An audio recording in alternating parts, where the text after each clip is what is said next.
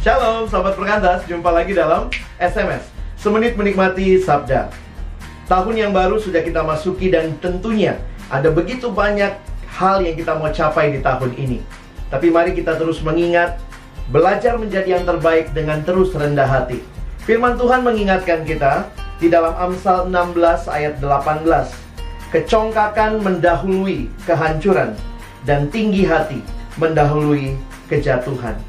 Mari capai semua target kita dengan penuh kerendahan hati, terus mengingat hanya Tuhan yang sanggup menolong dan memampukan kita.